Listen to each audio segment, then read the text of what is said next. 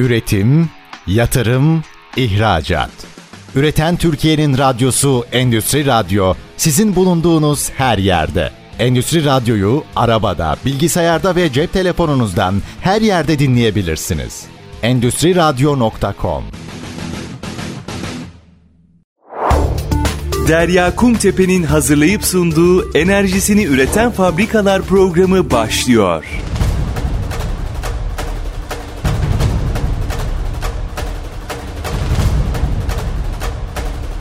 Enerjisini Üreten Fabrikalar programından herkese merhabalar. Ben Derya Kumtepe.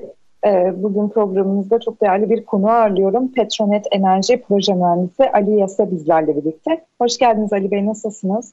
Hoş bulduk Derya Hanım. İyiyim. Teşekkür ederim. Sizler nasılsınız? Bizler deyiz. Çok teşekkürler. Şimdi tabii biz bugün programımızda güneş enerjisini konuşacağız. Kurulan projeleri, hayata geçen proje örneklerinin elde ettiği verimleri. Ama Petronet güneş haricinde başka önemli çalışmalar da gerçekleştiriyor. Ben bir dinleyicilerimize sizi tanıtmak istiyorum. Firmanızın kuruluşundan, sektördeki yerinden bahsedebilir misiniz? Siz ne kadar süredir bu ailenin içerisinde çalışmalarınızı sürdürüyorsunuz? Tabii ki. Petronet bir grup firması. Var olduğu bilgi tecrübesini, yüksek teknoloji ve sadece yurt içinde değil yurt dışında da uluslararası rekabet edebilmek için inovatif çözümler üreten bir firma.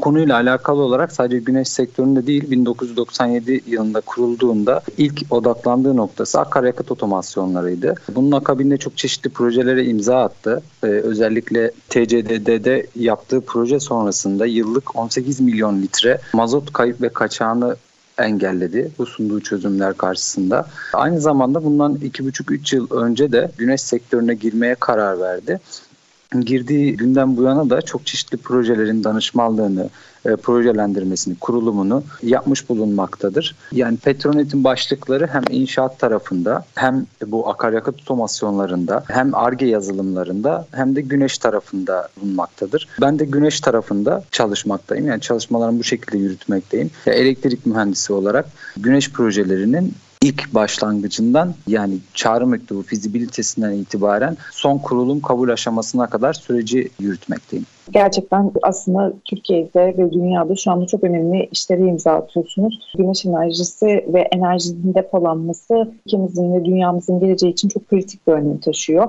Sizin de sunduğunuz çok önemli hizmetler var. Sizin yer aldığınız projelere sağladığınız avantajlardan bahsetmenizi isteyeceğim. Yani siz bir projeyi hayata geçirdiğinizde e, yılların az önce de bahsettiğiniz gibi sahip olduğunuz tecrübeyle birlikte nasıl avantajlar sağlıyorsunuz? Sizin yaptığınız projelerin öne çıkan özellikleri neler oluyor? Tabii ki yani şöyle çok kısa ben güneş enerji santrallerinden bahsedeyim onların süreçlerinden.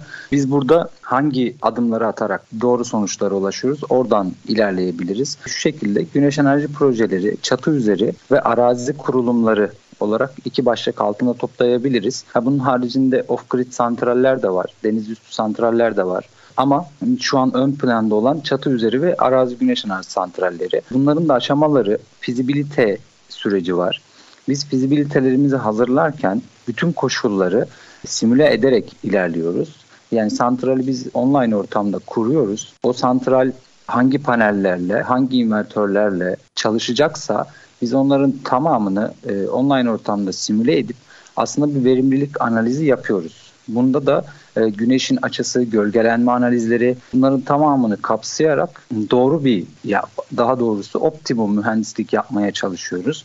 Bir de burada yasal süreçlerimiz var. Fizibilitesini yaptıktan sonra güneş santrallerini kurmak için yasal süreçler başlıyor. Bu yasal süreçlerden ilk adımda çağrı mektubu. Bu çağrı mektubunu başvurusu yapıldığı an itibariyle e, sonuçlanması 2 ay, 3 ayları bulabiliyor.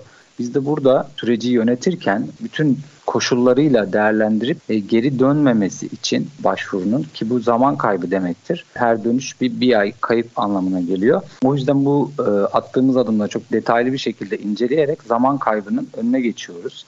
E, aslında yatırımcımızı koruyoruz. Akabinde e, proje onay aşamamız var. Bu onay aşamasında biz proje tasarımını yeniden yapıyoruz. Mevcut haliyle e, çatı veya arazi ise bütün keşiflerini eksiksiz gerçekleştirerek, gerçekleştirerek biz proje tasarımını son haliyle yapıp ilgili dağıtım şirketlerinden onaylarını alıyoruz. Bu onayları aldıktan sonra ki bu esas konu proje tasarımıdır. Bu proje tasarımında kullanılan ekipmanların tamamı mühendislik hesaplarıyla birlikte onaya sunulur. Bu hesapları yaparken de esas kriterler ortaya çıkar. Yani kullanılan panel, kullanılan invertör, kullanılan kablo ki biz burada bir avantaj sağlanacaksa bunların tamamını değerlendirmeye ve bu santrallerin 25 yıl boyunca minimumdan bahsediyorum çalışacağını gözeterek yapıyoruz. Yani biz o, o koyduğumuz sistem 25 yıl boyunca orada duracakmış gibi bir tasarım yapıyoruz. Yani belirli verim kayıpları var yıllardan doğan. O sabit kayıpların haricinde farklı kayıplar olmaması için e, biz elimizden geleni yapıyoruz ki sonraki aşama saha uygulamalarıdır. Bu saha uygulamalarında da bütün süreci yönetirken hani bu arka mutfak kısmıydı. Arka mutfağı hallederken hani e, teorik kısımda her şeyi mükemmel yapsanız bile sahada öyle olmayabiliyor. Ondan dolayı saha uygulamalarında da biz e, belirli standartlar eşiğinde uygulamalarımızı yapıyoruz. Çünkü bu saha uygulamalarında e, yapılan teorik tasarımın üzerine çok farklı dinamikler gelebiliyor. O da çok farklı örnekleri var. Kurulumu yaparken nasıl montaj edildiği, yani her panelin ayrı bir montaj kitapçığı vardır. Burada kurulum ekiplerinin tecrübeli olması gerekir ve bu güneş paneli bir ya biraz sonra bundan bahsedeceğiz güneş panelinin içindeki hücrelerden ama mikron kalınlığındadır. Üzerlerine konulacak herhangi bir malzemede üzerine basma durumunda çok e, yani mikro çatlaklar oluşup e, güneş panelinin hotspot vermesine yani arıza vermesine sebebiyet verecektir. Bunun gibi birçok noktada bizim belirli kriterlerimiz var. Bunlara dikkat ederek saha uygulamasını yapıyoruz. Akabinde uygulama bittikten sonra yasal kabulleri gerçekleştirdikten sonra işletme bakım süreçlerimiz var. Bu işletme bakım süreçlerinde biz santralleri ilk etapta yani ilk bir ay 7-24 izliyoruz bu invertörlerin kendi içinde bir yazılımları var. Online ortamda hangi stringin ne kadar ürettiği anlık olarak 5 dakikalık datalarla bizim önümüzde oluyor. Biz bakıyoruz. Bizim simüle ettiğimiz şekilde doğru bir üretim gerçekleştiriliyor mu? Ee, bunu hem invertörler üzerinden teyit ediyoruz hem de biz GES panomuza taktığımız tek yönlü sayaçla teyit ediyoruz. Akabinde ilgili dağıtım şirketinin bizden istemiş olduğu çift yönlü e, sayaç üzerinden de onun da bir teyidini alıp o şekilde bizim teorik simülasyonumuz ile uygulamadan sonra herhangi bir hata var mı yok mu veya süreç bizim tasarladığımız gibi ilerliyor mu verimlilik değerleri istediğimiz şekilde mi o süreçleri kontrol ediyoruz. Bunun akabinde e, ilk işletmeye alındı santral devrede ve bakım süreçleri başlıyor. Bulunduğunuz yere göre çok farklı dinamikleri olabiliyor bunun. Bu panellerin e, temizlenmesi gerekiyor. Çünkü güneş ışığını kendi üzerlerinden, yüzeylerinden alıyorlar. Eğer bu yüzeyleri kirli olursa güneş ışınlarını ememeyecektir ve dolayısıyla elektrik üretim değerleri de çeşitli oranlarda düşüş gösterecektir. Hani biz bu dinamikleri düşünerek bakım planlamalarını yapıyoruz. Artık ne gibi bir tozlanma süreci varsa veya e, çatıdaki durumlar çok farklı senaryolarla karşılaşabiliyoruz. Hani bazılarının problemleri martılar olabiliyor, kargalar olabiliyor. Çünkü öncesinde oraya yuva yapmış olabiliyorlar, orayı mesken edinmiş olabiliyorlar. Bundan doğan bir kayıpları olabiliyor. Bazılarının toz problemi olabiliyor. Ona göre biz planlamalar yapıp olabildiğince verimlilikleri en üst seviyede tutmaya çalışıyoruz. Çok teşekkür ediyorum verdiğiniz bilgiler için. Çünkü bu teknik süreçler özellikle çatı üstü güneş enerji santrali kurmak isteyen fabrika sahipleri, fabrika yöneticileri için oldukça kıymetli. Doğru bir yol haritasıyla ilerlemek gerekiyor. Bu projelerin detaylarını görüşeceğiz ama çok kısa sizden e, şununla ilgili de görüşlerinizi almak istiyorum. Çünkü hem Türkiye'de hem dünyada yenilenebilir enerji kaynakları ile ilgili önemli yatırımlar gerçekleştiriliyor ve daha da fazla aslında odak noktasında güneş bulunuyor. Bir global açıdan kısaca bir değerlendirme yapabilir misiniz? Şu anda dünyadaki yatırımlar ve Türkiye'deki yatırımlarla ilgili.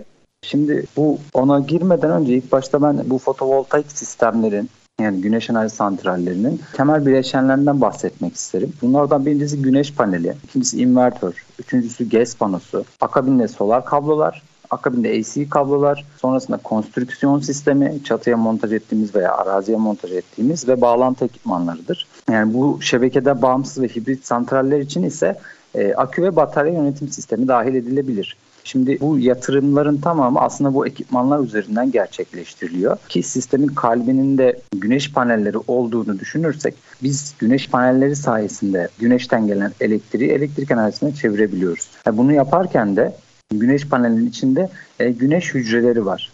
Bu güneş hücreleri de aslında esasında kumdan elde ediliyor. Bu kum çeşitli proseslerden geçirilerek polisilikon elde ediliyor. Akabinde bu polisilikondan ingot elde ediliyor.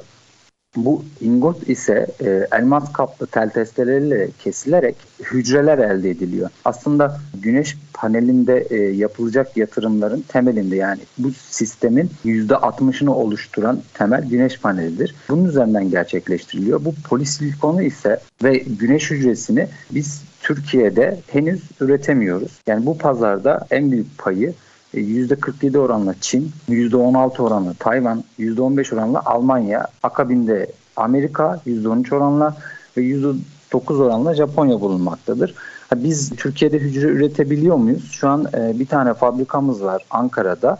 E, büyük YK ihalesi yapılmıştı. Onu kazanan firmanın bir e, kendi fabrikası var. Orada güneş hücresi üretiyoruz yani ingot, wafer ve hücre modül olarak çalışmalarını yürütüyorlar. Ama biz esas e, ham maddesi olan polisilikonu henüz üretemiyoruz. Bu e, güneş paneli üretemiyoruz anlamına gelmiyor. Bizim e, hali hazırda e, yerli birçok panel fabrikamız var. Kendi ihtiyacımız olan yani Türkiye'de kurulabilecek olan santraller için biz güneş panellerimizi üretebiliyoruz. Kendi içimizde tedarik edebiliyoruz. Sadece hücrelerini dışarıdan getiriyoruz. Ha, bu yatırımlarda da e, bunlar sistem bileşenlerine olan yatırımlar. Ha, bizim burada kendi içimizde ürettiğimiz ekipmanlar var mı? Var. Yani solar kablolar var. E, bu kapsamda pano var. Her ne kadar hani panonun e, şalterlerine şeyine göre e, marka ve modeline göre dışarıdan alıyor olsak da hani AC kablolarımız var. Hani konstrüksiyon kısmında alüminyum ve çelik kullanıldığı için bunu da kendi içimizde üretebiliyoruz. Ha, bu yatırımların bir de bileşen haricinde santrale dönüşmüş versiyonları var. Bununla alakalı da bütün ülkeler çok ciddi adımlar atıyor. Bu da nasıl? Yani Türkiye'de olduğu gibi şu an şebekeye satış için bizim bir imkanımız var. Bu birçok ülkede yok ama birçok ülkede de var. Bu aslında e, bir teşvik santral açısından bakıldığında hani yatırımcı tarafından konuya bakarsak bileşenlerin dışında bunların da ne gibi faydaları var? Güneşten üretilen enerjinin kaynağı sonsuz ve yenilenebilir bir enerjidir. Yani karbon salınımı yapmaz. Bu konuda eğer yatırımlar desteklenir ve teşvik görürse şey kısmında e, yani bu e, karbon açısından da bakıldığında çok büyük fayda sağlayacaktır ve santrallerin kurulumlarında çok çeşitli bir teşvikler ve yöntemler var. Bunlardan nasıl Türkiye'dekilerinden örnek verecek olursak dünya çapında da bu şekilde ilerleyecek ya bir benzeri şekilde. Yani Türkiye'de yatırımcı, tüketimi olan bir yatırımcı kendi fabrikasını düşünelim. Kendi öz tüketimi kadar enerji bazında değil de kendi öz tüketimi için güneş enerji santrali kurabiliyor. Bu bir yöntem. İkincisi ise YEKA ihaleleri. Bu YEKA ihaleleri yenilenebilir kaynak alanlarında EPDK'nın belirlediği şekilde bir ihaleyle yapılmaktadır. Ki Konya'da, Karapınar'da 1 gigawattlık bir ihale yapıldı. Bu da bir e, yöntemdir. Hani devlette mesela Cezayir'de bununla alakalı çok daha büyük yani 100 megawattlar, 250 megawattlar mertebelerinde daha büyük bir projelerle ihale açmakta. Hani Almanya bazında bakacak olursak o da şebeke satış yasasını uygulayarak daha küçük yatırımcılara veya tüketicilere yönelik bir kurulum öngörmekte. Ama şu an dünya çapında herkes güneş kurulu gücünü, yenilenebilir enerji kurulu gücünü arttırmak için santral kurulumunda ellerindeki mevcut imkanların tamamını kullanmaktadır. Hani biz burada hangi noktalarda rol alabiliriz? EPC dediğimiz e, yani anahtar teslim e, santral kurulumları yapan firmalar bunlar aslında tüm dünya çapında bir şey gösterebilir.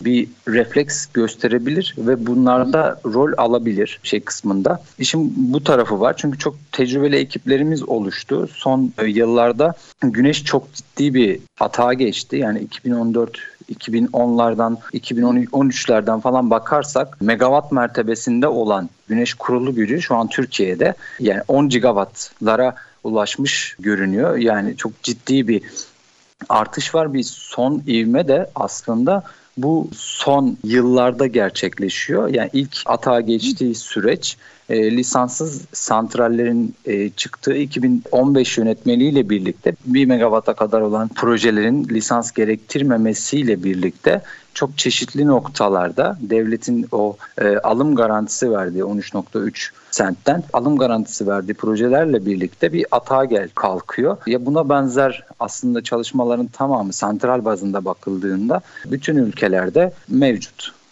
Ali Bey çok teşekkür ediyorum. Kısa bir araya gitmemiz gerekiyor. Döndüğümüzde sohbetimize kaldığımız yerden devam edeceğiz. Petronet Enerji Proje Mühendisi Ali Yesse bizlerle birlikte olmaya devam edecek.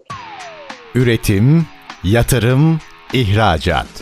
Üreten Türkiye'nin radyosu Endüstri Radyo sizin bulunduğunuz her yerde. Endüstri Radyo'yu arabada, bilgisayarda ve cep telefonunuzdan her yerde dinleyebilirsiniz. Endüstri Radyo.com enerjisini üreten fabrikalar programında Petronet Enerji Proje Mühendisi Ali Yasa ile sohbetimize kaldığımız yerden devam ediyoruz. Şimdi programın ilk bölümünde aslında teknik açıdan çok güzel bilgiler verdiniz bize. Programımızın ikinci bölümünde de isterseniz yine bu konudan devam edebiliriz. Özellikle verimlilik tarafıyla ilgili. Çünkü güneş enerji santrallerinde daha fazla verim almak için sürekli teknoloji geliştiriliyor. Panellerde kullanılan teknolojiler ve ürünler geliştiriliyor. Verimlilik ama toplamda peki hangi kriterlere dikkat etmek lazım? Sadece teknoloji yeterli mi yoksa farklı konulara da odaklanılmalı mı? Tabii ki. E şöyle bu güneş panellerinden bahsettik. Bu güneş panellerinin çeşitleri var. Bunlar ince film paneller var. E, polikristal paneller var. Monokristal paneller var ve şu an gelinen son noktada half cut dediğimiz teknolojiyle üretilen paneller var. Bu half cut'ların da üzerinde multi busbar e, dediğimiz teknolojiyle üretilen çeşitleri var. Burada yani şu an piyasayı domine eden half cut'lar yani en verimli verimlilikleri %21-%22 düzeylerinde gerçekleşen bir teknolojiden bahsediyoruz. Peki bu santral sistem bazında bakıldığında yeterli mi?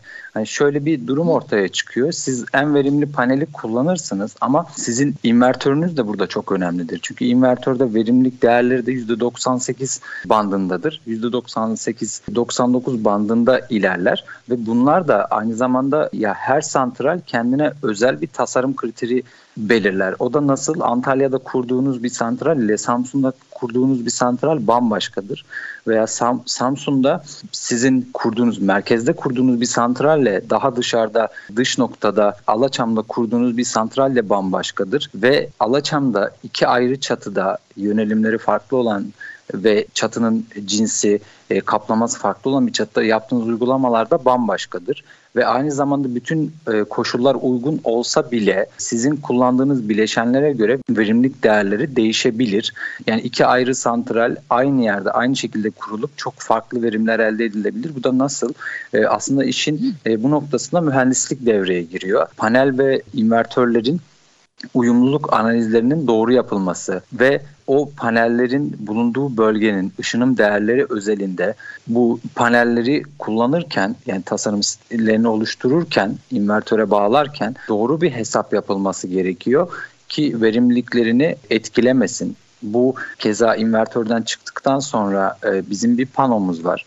Biz o panomuzu içindeki tasarım ve oraya gelirken kullandığımız kablo yani alüminyum veya bakır olması verimliliğine etkileniyor. Aslında burada dikkat edilmesi gereken çok fazla kriter var. Yani buraya tek bir malzeme, tek bir ekipman gibi değil de bunu bir sistem olarak bakmak ve bütün ayrıntılarını detayla detaylıca incelemek gerekiyor. Ha burada da kurulum yapan mesela e, fabrikalarla biz sürekli görüşüyoruz bu konularda. Şimdi herkes bu konunun uzmanı değil haklı olarak. Burada herhangi bir EPC ile çalışacaksa bile burada işveren mühendisliği birisinin yapması gerekiyor. Çünkü bu konulara herkes hakim e, olamayabiliyor veya e, bulunan fabrikada teknik insanların zaten kendi sorumlulukları oluyor. Bunun üzerine bir de bu konuları öğrenmeleri bazen beklenebiliyor ama en basit kriteri yani bütün bu süreci bilen bir EPC ile çalışırken bile işveren mühendisi tutup bu detayları dışarıdan yani şartnameleri oluştururken de olabilir. Projenin büyüklüğüne göre veya sözleşmeyi olurken oluştururken de olabilir. Yani bu kriterleri bilip e, santrali bu detaylara göre hazırlayabilecek bir işveren mühendisiyle çalışmaları her zaman avantajlarına olacaktır. Yani bu verimlilik çok önemli bir konu. Yani o santralin tasarım kriterleri çünkü e, biz e, görüşmelerimizde her zaman şunu söylüyoruz. Hani bu santral 25 yıl, hani 25. yılın sonunda da santral bir anda durup tamam ben artık doldum demeyecek. Yine verim verimliliği azalarak üretimine devam edecek. Yani bu deglerasyon eğrisine göre güneş panellerinin 25. yılın sonunda %20 bir verim kaybı olması bekleniyor. Ama bu hangi koşullarda? Şu koşullarda doğru işletme ve bakımın yapılması gerekiyor. Hani santrali kurduk bitti gibi bir konu her zaman olmuyor. Yani doğru bir bakım onarım sürecinden geçmesi gerekiyor. E, sonrasında yani bazı güneş panellerinin data sheetlerinde artık 30 yıllar, 32 yıllar gibi süreler belirtiliyor. Yani yaşlanma, yaşlandırma testlerine göre o kadar bir süre güneş panelleri üretimine devam edeceği öngörülüyor. E, bu sistemde de ilk etapta doğru ekipmanları kullanarak bu verimlilik analizlerini doğru bir şekilde yaparak tasarlamak çok ön plana çıkıyor. Evet, bu noktada dijitalleşmeye de biraz giriş yapabilir miyiz? Dijitalleşmeyle nasıl bir örtüşme, nasıl bir paralelliği var? Dijitalleşmenin de katkılarından bahsedebilir misiniz bu noktada? Enerjinin dijitalleşmesi konusunda şöyle, bu Avrupa Yeşil Mutabakatı ve Paris İklim Anlaşması çerçevesinde artık bu karbon salınımını kontrol etme süreci ile karşı karşıyayız. Özellikle çelik sektöründe. Bunun için de bu karbon salınımı fazla olan firmaların bir şekilde karbon değerlerini düşürmesi gerekiyor. Burada işte yenilenebilir enerji güneş özelinde düşünürsek e, güneş enerji santralleri çıkıyor. Bu da aslında e, güneş enerji santrallerinde üretilen enerjinin doğruluğunu belgelemek için kullanılan bir blockchain teknolojisi var. Burada karşımıza yani enerji web çıkıyor IREC sertifikası. IREC sertifikasının yerli süreci şu şekilde yani bir e, çatı üzeri santral e, kurduğunu düşünelim bir yatırımcımızın. O yatırımcımız ürettiği enerjiyi 3 ay süre boyunca diyelim 3 ay süre boyunca santral devrede kaldı. Orada ilgili dağıtım şirketinden o enerjiyi ürettiğine dair yazıyı alıp o yazıyla birlikte bu IREC tarafından yani uluslararası bir şekilde yani blockchain teknolojisiyle oluşturulmuş o blockchain'in içinde santral kaydını yaptırdığı sürece orada ürettiği değerleri uluslararası belgelendirebiliyor. Yani yenilenebilir enerji özelinde şey kısmında enerjinin dijitalleşmesi konusunda blockchain teknolojisi bu alanda yani güneş enerji özelinde burada kullanabiliyoruz. Aynı zamanda şebekenin siber güvenliğinde kullanılabiliyor. Yani bizim Petronet özelinde çalıştığımız sadece kardeş firmalarımız var. Onun haricinde enerjinin dijitalleşmesinde depolama kısmı, bulut bilişim yani çünkü bu verilerin de değerlendirilmesi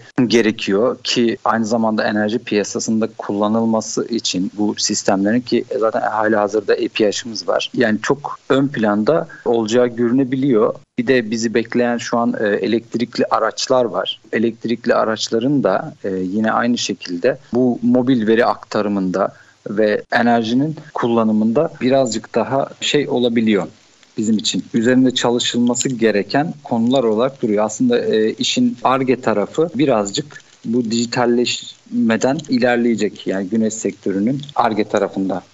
Bizim henüz hali hazır yürüttüğümüz spesifik bir çalışmamız yok. Sadece IREC'le bu konuda ilişki içerisindeyiz. Sertifikalandırma konusunda.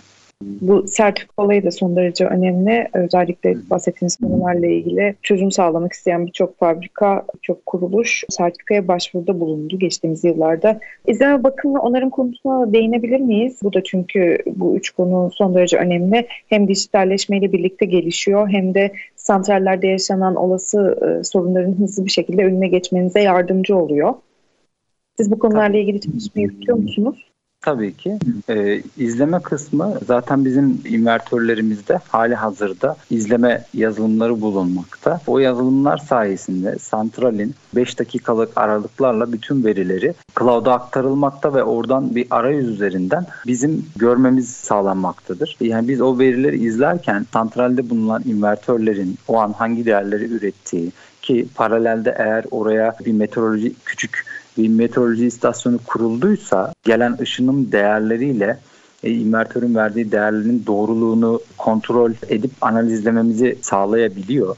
İzleme kısmında aynı zamanda invertör üzerinden çeşitli alarmlar oluşturup olası bir problemde majör mü minör mü nasılsa e, anında müdahale için bir izleme gerekebiliyor. Bununla alakalı e, ilk etapta bizim fabrika bazında kurulan projelerde zaten EPC'ler 2 yıl bir bakım onarım garantisi verirler ama fabrikalarla görüştüğümüzde yani bizim onlara önerilerimiz orada bir santral olduğu yani bir elektrik üreten santral olduğu ve bunun izlenmesi gerektiği bununla alakalı bir personellerini görevlendirmelerini bizim haricimizde zaten majör ve minor hatalar için alarmlar oluşturup herhangi bir sorunda bakıyoruz. Ama online'ın dışında gelişebilecek herhangi bir durum için orada birisinin o santralle ilgilenmesini sağlamaya çalışıyoruz izleme kısmında. E, bakımda da yılın belli süreçlerinde planlı veya plansız bakımlar olabiliyor. E, yani plansız bakımlarda santralde herhangi bir arıza olduğu ise o arızanın giderilmesi için bir bakım çalışması yürütülüp onarılması sağlanabiliyor. Planlı bakımlarda da şimdi bu bahsettiğimiz güneş panellerinin yüzeylerinin temizlenmesi durumuna göre tamamen projenin mahiyetine göre oradaki tozluluk veya kirlilik oranına göre yılın belli zamanlarında o panellerin yıkanması temizlenmesi gerekiyor. Bununla alakalı da tabii ki biz normal suyu çıkarıp e, panellerin üzerine tutup temizlenmiyor. Onun ayrıca bir suyun saflaştırma sürecinden geçtiği, çok farklı bir solüsyonun ve ekipmanların kullandığı, kullanıldığı bir süreç. Bu temizlik sürecinde dikkat edilmesi gereken çok önemli kriterler var. E, bunların başında da yetkin kişilerle yapılıyor olması. Çünkü bazen reklamlarda veya kısa videolarda falan görüyorum. Ya panellerin üzerine basarak böyle üzerine tutarak temizleyenler olabiliyor. Yani biz bu olmasın diye tasarım aşamasında panellere her açıdan ulaşabilmek için kedi yolları bırakıyoruz. Temizlik aşamasında o panellerin üzerine basılmasın. Çünkü paneller mikron kalınlığında o güneş hücreleri üzerine herhangi bir şekilde basıldığında hotspot dediğimiz yani oradaki hücrenin devreden çıkması ve onun akabinde o panelin arızalanması bir tane panelin arızalanması demek projenin mahiyetine göre 16 tane panelin arızalanması demek. Yani o güneş panelleri birbirine seri olarak bağlanır. Yani yan yana 16 tane insan birlikte yürür. Bunlardan bir tanesi yavaş yürürse hepsi yavaş yürür. Diğerini sürükleyemezler. Eğer diğerini sürüklemek isterlerse bu sefer orada e, daha ciddi bir problem ortaya çıkar. Bunları bunların bilincinde olarak bu verimle dikkat ediyoruz ki özellikle temizlik çalışmalarından sonra e, normalde üretilen değer ile temizlik sonrası üretilen değer arasında %10-15 bandında bir fark olduğunu söyleyebilirim. Onarımla alakalı olarak da şimdi arızanın mahiyetine göre zamanında giderilmesi ne kadar hızlı giderilirse o kadar çok enerji kazanımı olacaktır. Çünkü enerjinin mahiyetine göre ya santral devreden çıkabilir ya bir invertör devreden çıkabilir. Bunların tamamı enerji kaybı olarak karşımıza çıkar. Kısa bir araya gidiyoruz. Döndüğümüz zaman aslında proje örnekleri üzerinden sohbetimize devam etmek isteyeceğim. Hayat, son dönemde hayata geçirdiğiniz güneş enerji santrali projelerini detaylı olarak aktarmanızı isteyeceğim. Petronet Enerji Proje Mühendisi Ali Yase bizlerle birlikte olmaya devam edecek. Üretim, yatırım, ihracat. Üreten Türkiye'nin radyosu Endüstri Radyo sizin bulunduğunuz her yerde. Endüstri Radyo'yu arabada, bilgisayarda ve cep telefonunuzdan her yerde dinleyebilirsiniz. Endüstri Radyo.com Enerjisini üreten fabrikalar programında Petronet Enerji Proje Mühendisi Ali Yese ile sohbetimize kaldığımız yerden devam ediyoruz. Ali Bey son dönemde hayata geçirdiğiniz bir örnek uygulama projesini bizlerle paylaşabilir misiniz? Projeyi nasıl hayata geçirdiniz, nasıl çıktılar elde ettiniz? Tabii ki. Yani şu an çok göz önünde olan bir konu olduğu için bir fabrika projesinden bahsetmek isterim. Bu biraz önce anlattığım aslında bütün aşamalardan geçmiş bir proje. Şu şekilde yani herkesin de anlaması açısından bir çerçeve, o proje özelinde bir çerçeve çizmek isterim. Çünkü gittiğimiz görüşmelerde de hep bu süreçler merak edilebiliyor. Bazen doğru aktarılıyor, bazen insanlar e, internetten çok eski yönetmeliklere bakarak veya çok eski sistemleri görerek yorumlar yapabiliyorlar. Şu şekilde biz fabrikayla görüşmelerimize devam ediyorduk. Onayımızı aldıktan sonra ilk başta biz fizibilite çalışmamızı hazırladık. fizibilite çalışmamızdan sonra yatırımcımıza e, bu konunun kendilerine olan katkısının ne olduğunu aktardık. O da şöyle hali hazırda fabrikalarımız, üretim yapan fabrikalarımız elektrik faturalarını ödüyorlar. Yani bu elektrik faturalarını ödedikleri sürece üretime devam edebiliyorlar. Yani bu enerjiye ihtiyaçları var. Güneş santralinin ise sunduğu çözümü e, biz şöyle göstermeye çalışıyoruz. O santral kendi kendini amorti edebilen bir santral ki şu an amortisman sürelerinin 35-40 aya kullanılan krediye göre değiştiğini düşünürsek ve ekstra olarak da e, şöyle bir durumu var. Çok çeşitli teşvikler var. Yani 240 kW üzerindeki projeler için çok önemli yani KDV muafiyetidir, SGK işveren prim desteğidir gibi çok fazla artıları var. Ee, biz bunları yatırımcılarımıza konuştuk. Onların da aklına yattı bizim onlara gösterdiğimiz simülasyon ve akabinde çalışmalarına başladık. Onlardan ilgili evrakları alıp çağrı mektubu için ilgili dağıtım şirketine başvuruda bulunduk. Başvurumuz olumlu neticelendikten sonra biz projelendirme aşamasına geçtik ve akabinde projemizi çizdik çatının yerleşimlerini, panel yerleşimlerini yapıp tek şemalarını hazırladık. Bunların hepsini bizim e, en önemli bir yani bu konuda bakış açımız her konuda şeffaf olunması. Biz kullanılan bütün ekipmanları, malzemeleri neyin nasıl olduğunu yatırımcımıza aktararak onun onayını alarak ilerliyor olmamız ve Akabinde biz e, proje onayımızı da aldıktan sonra çatı uygulamasına geçtik. Proje bazında baktığımızda 360 kilowattlık bir e, projeydi e, ve projenin uygulama süresi yaklaşık 20 gün falan sürdü. E, biraz önce konuştuğumuz kriterleri gözeterek uygulamaların tamamını yaptık e, ve Akabinde ki yatırım teşvik belgesi de kullanmıştı o yatırımcımız. Onlar da nasıl olduğunu sistemin merak ediyorlardı. Yani sadece herkes ilk başta ya geçen yıllarda insanlar güneşle alakalı bir şeyler duyuyorlardı. Ama tam olarak ne olduğunu bilmiyorlardı. E, birebir yaptıktan sonra ki o bahsettiğim izleme sistemini biz sadece kendimize değil yatırımcımıza da yüklüyoruz. Orada üretilen enerjiyi nasıl kullandığı veya ayın sonunda kesilen faturadan sonra nelerle karşılaştı o santrali verebilmiş olmak bizim için mutluluktu. Çünkü hem doğaya bir katkısı var ve bu bahsettiğimiz yatırımcımız ihracat yapan bir firmaydı ve kazancından dolayı yani uluslararası pazarda bir rekabet şansı yakalamıştı. Ya bu kısımda aynı zamanda şundan da bahsetmek isterim. Bu yatırım kısmında finansman konusunda özellikle çatı GES'lerde yani arazi GES'ler için de geçerli. Yani burada bankaların ve uluslararası fonların fonlardan çok ciddi bir şekilde kredi yani firmanın geçmişine göre çok rahat bir şekilde e, leasingle veya krediyle yapılabilecek bir ortam. Çünkü hali, hali hazırda ödenen bir elektrik faturası var. Bunu eğer doğru bir şekilde finansman ayağı oluşturulursa elektrik faturası yerine santralin finansmanı karşılanıyor olarak bir ödeme sağlanabiliyor. E, biz bu modelle ilerlemiştik. Yani elektrik faturası ödeyeceği yere santraline ödüyor ve yaklaşık 3-4 yıl sonunda ücretsiz bir elektrik kullanıyor hale gelebiliyorlar ki burada bizim bu lisanssız elektrik üretim yönetmeliğinin sunduğu faydalardan bir tanesi de şu aylık mahsuplaşma sistemimiz var. Aylık mahsuplaşma sistemi de şu şekilde sizin e, ay içerisinde ürettiğiniz e, elektrik ve tükettiğiniz elektrik e, ay sonunda dağıtım şirket tarafından bakılıyor. Diyelim 10 birim ürettiniz, 10 birim tükettiniz senaryosunda. Direkt bu e, ikisi birbiriyle mahsuplaşıyor. E, yani kimsenin kimseye alıp vereceği bir durum ortaya çıkmıyor. Hani diyelim ki 20 birim ürettiniz, 15 birim tükettiniz. Kalan 5 birimi EPDK'nın yayınladığı çeyrek tarife tablosunda iletim dağıtım bedellerini düşerek yatırımcıya ilgili dağıtım şirketi ödemesini yapıyor. Yani bu çok güzel bir imkan. Bununla alakalı Temmuz'da bir revizasyon oldu. Bunu yanlış anlayanlar oldu. Şebekeye satış artık kalktı, artık şebekeye satılmıyor gibi algılandı. Ama o şekilde değil gerçek. Şu şekilde sizin bir yıl önceki tüketiminize bakıyor dağıtım şirketi.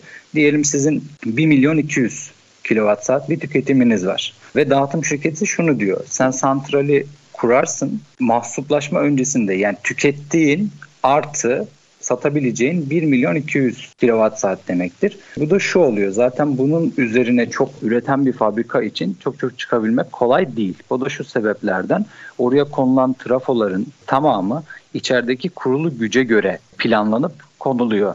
Yani bunun üzerine çıkabilecek fabrikalar sadece şöyle olabiliyor.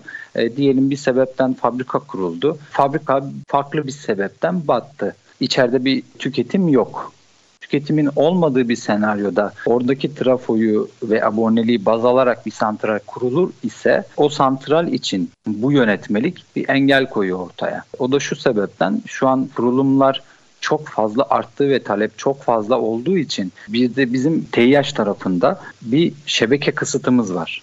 Yani trafo kapasitemiz var. Ee, yani güç trafolarında bölgesine göre hangi trafoya bağlıysa o santraller belli bir sınır var. Bu da şu demek oluyor siz ilerleyen zamanda o, eğer o trafonun kapasitesi doldu ise siz ilerleyen zamanda istediğiniz kadar tüketin, istediğiniz kadar kurmak isteyin, kuramayabiliyorsunuz. Bunun sebebi de daha önce farklı santrallerin orada kurulup oradaki güç trafosunun kapasitesinin dolması oluyor.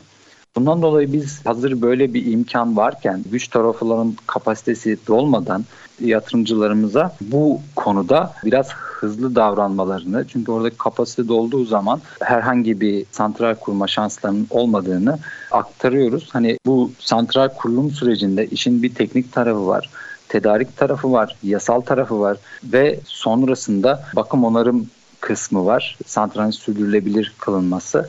Yani biz bu kapsamların tamamını yatırımcıyla koordineli bir şekilde, şeffaf bir şekilde yürütmeye çalışıyoruz.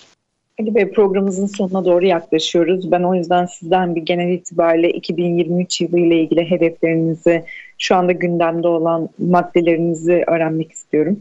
Ya bizim çeşitli proje hedeflerimiz var. Yani bununla alakalı olarak çatı özelinde düşünüyoruz biz genelde ama arazi kurulumları da şu an yeni yönetmelik çerçevesinde çok ciddi oranda arttı. Yani 20 megawattlık bir kurulum hedefimiz var ki aynı zamanda da bizim invertör şu an bir invertör fabrikasının fizibilitesi üzerinde çalışmamızı yürütüyoruz. Ne yazık ki invertör üretimi konusunda panel üretimi kadar ileride değiliz. Yani panelde çok fazla oyuncumuz var ama invertör sahasında çok oyuncumuz olduğu söylenemez. Biz bu konuda bir fizibilite çalışması yürütüyoruz. Onun devamlılığını sağlamayı düşünüyoruz. Aynı zamanda üzerinde çalıştığımız çeşitli ARGE konuları var güneş özelinde ve bununla alakalı olarak da e, bizim bir kardeş firmamızla birlikte güneş enerjisinden hidrojen üretme konusunda uygulamasını yapmış olduğumuz bir ARGE çalışmamız var. Onu da geliştirmeye çalışıyoruz.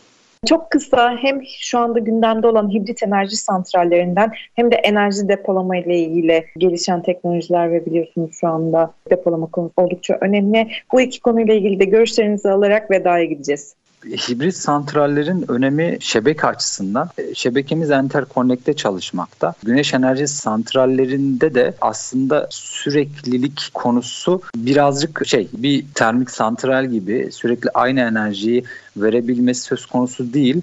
Bu da tamamen güneşle alakalı olan bir durum. Hani sabah 9'daki güneş ile akşam 6'daki öğlen 12'deki güneş arasında fark var.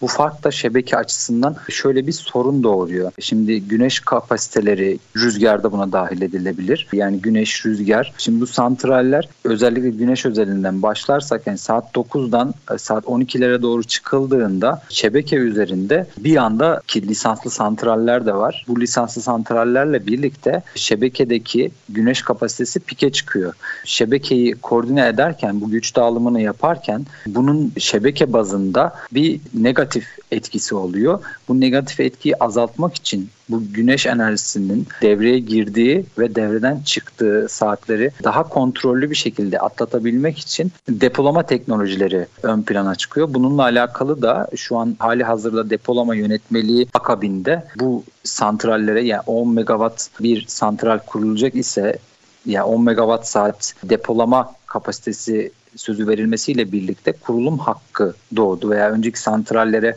kapasitesinin %50'si kadar bir depolama kapasitesi kurulması hakkı verildi. E, bunların sebebi aslında söylediğim kısımda bu santrallerin, güneş enerji santrallerinin sürekli bir şekilde enerji sağlayamıyor olması. Yani bu geçişleri sert olmaması için çünkü enterkonnekte şebekede bu geçişler e, şebeke açısından ciddi sorunlar doğurabiliyor.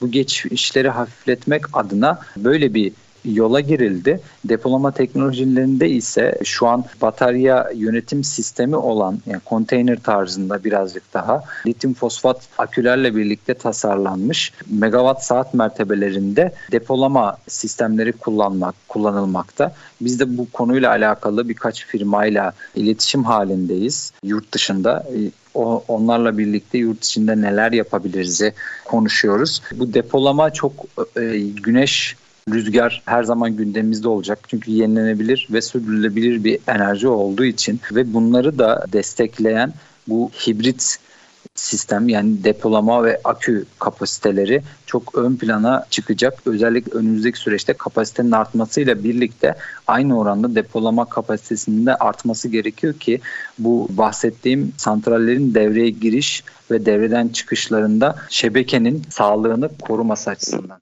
Ali Bey programa katıldığınız için çok teşekkür ediyorum. Ben teşekkür ederim. Çok sağ olun. Hem verdiğiniz bilgilerden dolayı hem de e, yaptığınız paylaşımlardan dolayı umuyorum sektöre de katkısı olacaktır. Dinleyenleri mutlaka güzel bir şekilde yönlendirecektir anlattıklarınız. Petronet Enerji Proje Mühendisi Ali Yase bizlerle birlikteydi. Bir sonraki programda görüşene dek hoşçakalın.